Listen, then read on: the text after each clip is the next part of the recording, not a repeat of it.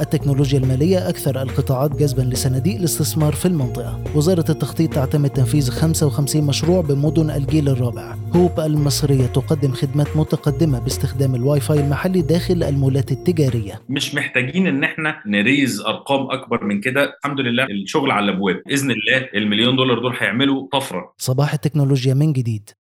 أحدث الأخبار المحلية والعالمية في أول نشرة تكنولوجية مسموعة في مصر. تكنولوج على كل منصات البودكاست. تكنولوج بودكاست برعاية هيئة تنمية صناعة تكنولوجيا المعلومات إتيدا ومنصة أنغامي. جاء قطاع التكنولوجيا المالية كواحد من أكثر القطاعات نموا في الشرق الأوسط وأفريقيا وباكستان. خلال النصف الأول من العام جمعت منطقة الشرق الأوسط استثمارات بقيمة 400 مليون دولار موجهة لشركات التكنولوجيا المالية. كما استطاعت أفريقيا احتلال الصدارة في تمويل الشركات العاملة في القطاع من خلال صناديق الاستثمار وواحدة من أهم الصفقات هي حصول باي موب المصرية على جولة تمويلية بقيمة 50 مليون دولار. تخطط شركة أوراسكوم المالية القابضة لتأسيس صندوق رأس مال مغامر بقيمة من 300 إلى 500 مليون جنيه من إيرادات بيع حصتها في شركة بلتون المالية القابضة وده لتوسيع تواجدها في مجال التكنولوجيا والاستثمار في مشروعها الخاص بالتكنولوجيا المالية كليفر.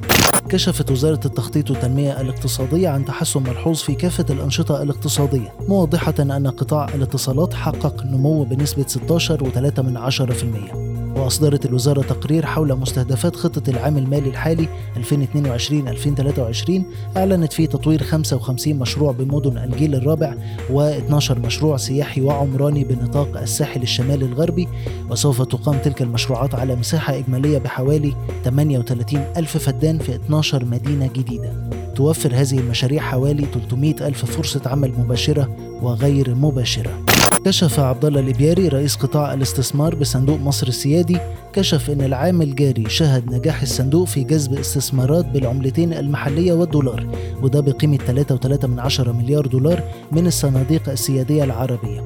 وأوضح إن الاستثمارات تنوعت في العديد من المجالات من بينها التحول الرقمي والخدمات المالية والتعليم والصناعة والهيدروجين الأخضر. وده بيأتي ضمن مساعي تطبيق وثيقة سياسة ملكية الدولة اللي بتستهدف جذب استثمارات أجنبية مباشرة بقيمة 40 مليار دولار خلال أربع أعوام. قررت الهيئة القومية للبريد إلغاء الحدود القصوى لعمليات الإيداع للأفراد والشركات بجميع مكاتب البريد على مستوى الجمهورية. بالإضافة إلى زيادة الحد الأقصى لعمليات السحب النقدي للأفراد والشركات من 50 ألف جنيه مصري إلى 150 ألف جنيه مصري من مكاتب البريد وده بعد قرار مشابه اتخذه البنك المركزي منذ أيام. وأكد دكتور شريف فاروق رئيس الهيئة إن التعديلات الجديدة بتأتي في إطار دعم خطط الدولة لتطبيق الشمول المالي والتيسير على المواطنين والشركات.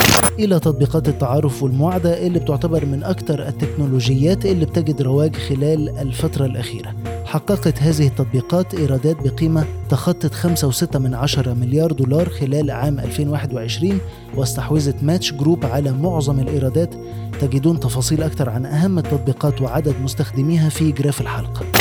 شركة هوب المصرية الناشئة أعلنت مؤخرا عن تطبيق تكنولوجيات مختلفة ومبتكرة للغاية نيرة عيد رئيس التحرير تكنولوجي استضافت محمد عمارة المؤسس والرئيس التنفيذي للشركة كنت عايز أعرف من حضرتك كده background بدأتوا من إمتى؟ إيه هي بالظبط ال technologies اللي بتقدموها؟ أنا مهندس اتصالات وإلكترونيات متخرج من زمان شوية من 23 سنة من هندسة اسكندرية أول 16 سنة في ال 23 سنة دول اشتغلتهم في مجال اسمه أشباه الموصلات أو تصميم الدوائر الإلكترونية خصوصا حاجة معينة جوه الدوائر الإلكترونية اسمها الدوائر الإلكترونية فائقه الدقة. كل ده كنت بصمم اللي هي ال microchips بتاعة نظم الاتصالات اللاسلكية. فأنا متخصص في موضوع الواي فاي ده من سنة 99 لفيت بقى لفة طويلة كده وفي الآخر رسيت إن أنا أعمل شركتي دي خامس شركة أشارك في تأسيسها. تاني شركة تتأسس في مصر. قبل كده كانوا بيبقوا متأسسين بره. دي completely في مصر ملهاش علاقة بره الشركة دي متخصصة في إن هي تطلع إمكانيات شبكات الواي فاي اللي الناس مش عارفاها. الإمكانيات دي لا حدود لها والواي فاي دي تعاملي معاها على إنها مكنة الراوتر أو ال access point اللي بتحط في السقف على إنها مكنة بتقدم لك خدمات رقمية غير محدودة. مالك شبكة الواي فاي عبارة عن مالك لشبكة محمول مصغر. ميزه المالك لشبكة المحمول. إحنا ما بنخليش مستخدم الواي فاي يدفع ولا مليم. مالك شبكه المحمول ده بيقدم الخدمات دي قصاد إيه؟ data بقى يعني لا أول لها من آخر. شبكة الواي فاي بره مصر دول كتيرة جدا بيتم التعامل معاها على إنها شبكة محمول. أنا طبعا بتكلم هنا على شبكات الواي فاي اللي مش في البيوت. المستشفيات والفنادق والأماكن العامة والحاجات دي كلها. أنت ممكن تحوليها لشبكة محمول بحيث المستخدم يخش عليها بشريحة التليفون اللي معاه. ولما يخش عليها بشريحة التليفون يقدر يعمل مكالمة من ال native phone dialer بتاعه اللي في التليفون نفسه. هي تبقى كأنها شبكة محمول. تخيلي مثلا دلوقتي عملنا الحركة دي في مطار. متخيلة كمية الناس اللي جاية من بره؟ هتقدر تعمل مكالمات من على شبكة الواي فاي من غير ما يحتاجوا إن الطرف الآخر يكلموا مثلا على جوجل ميت أو زوم أو ديو أو واتساب أو ايا كان طريقة المكالمة. لا لا ده بيعمل مكالمة عادية اللي إحنا كل يوم بنعملها دي. هل ده بيحتاج تراخيص إضافية لأنه برضه هو نوع من ال connection فهل ده صحيح. بيحتاج تراخيص إضافية مثلا من NTRA أو كده؟ لا بصي بقى 99% من الحاجات اللي إحنا بنعملها مش محتاجة. بما تمام. فيهم اللي أنا قلت لك ده بس محتاج دعم support يعني محتاج شركة المحمول نفسها تبقى بت integrate معاكي. لكن NTRA لا. يعني هو موجود مثلا كان اتعمل في السعودية. هل أنتوا بدأتوا تتكلموا مع مثلا operators أو مقدمي الخدمات بتاعة الإنترنت انكم تعملوا الخدمة دي وفي نفس الوقت مع حاجات commercial أو كده انكم تقدموها عندهم زي ال malls وكده؟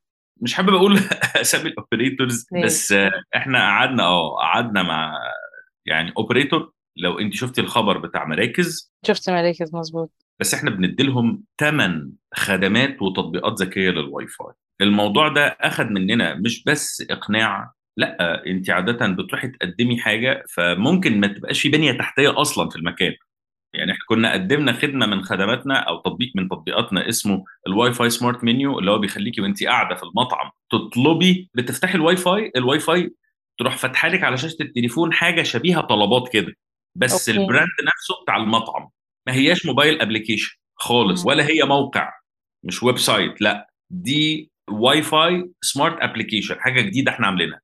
بت pop up على شاشة التليفون بتاعك أول ما وكلها الواي فاي. آه أول ما تفتحي الواي فاي المخصصة للتطبيق ده. تروح عاملة لك connection بنقطة البيع اللي موجودة جوه المطعم أو ال POS اللي إحنا بنسميها ال point of sale والمطبخ. تتفرجي بقى على كل حاجة موجودة وتطلبي. كنا إحنا قدمنا الخدمة دي ل Heart Attack برضه عاوز أقول لك إن Heart Attack ما كانش عنده البنيه التحتية بتاعت الواي فاي. خد له مثلا ست سبع شهور عشان يعملها. من ناحية بقى ال security يعني كل ما الحاجات تكبر على الشبكة كل ما بيهددها أكتر. فأنتوا إزاي بتحافظوا على موضوع ال security ده أو بتحطوه إزاي عندكم؟ من الناحية التانية برضو هنتكلم على ال privacy بس خلينا نتكلم على ال security الأول. كويس إن أنت قلتي ال privacy برضه. بس okay هتسمحي لي إن أنا أبدأ من ال privacy وأرجع لل security إحنا كنا بنقدم أو أنا شخصيا كنت شريك في شركة بنقدم خدمات شبيهة وإن كانت لسه كانت بدائية ساعتها الكلام ده في 2015 و16 و17 بس في إنجلترا وفرنسا. وأمريكا. كل الحاجات على الواي فاي. فهناك أول حاجة الناس بتفكر فيها في الواي فاي لا أنت هتطلب مني رقم تليفوني لا أنا بديش رقم تليفوني لحد. هتطلب مني مش عارف إيه لا أنا بديش لحد. جات لنا بقى الجهات الحاجات اللي شبه ال NTRA في مصر كده قالوا مم. لنا أنتوا في public area وبتلموا data نتفرج بقى أنتوا بتعملوا إيه. compliant مع ال GDPR فإحنا اخذنا نفس المسلك ده. طيب ال data دي بقى لو اتسرقت أو لو اتسربت من عندنا أو أو أو أي حاجة من الحاجات دي كلها. اولا دي مش هتتسرب بسبب إن الناس موجودة في المول بتدخل على free Wi-Fi ال free Wi-Fi شبه الواي فاي اللي عليها بس الفكرة كلها إن أنت وأنت جوه على الإنترنت. هل ممكن حد ده الكلام اللي بيجي لي كتير جدا. يخترق تليفونك؟ مين اللي هيخترق تليفونك؟ لو واحد من على الإنترنت يبقى زيك زي ما أنت في البيت أو أنت في الشغل. لكن. لو واحد من على نفس شبكة الواي فاي آه دي تبقى في وشي أنا. طب إحنا بنعمل إيه بقى؟ إحنا بن isolate الناس في الأماكن اللي إحنا بنقدم فيها الخدمات. في أصلا خاصية.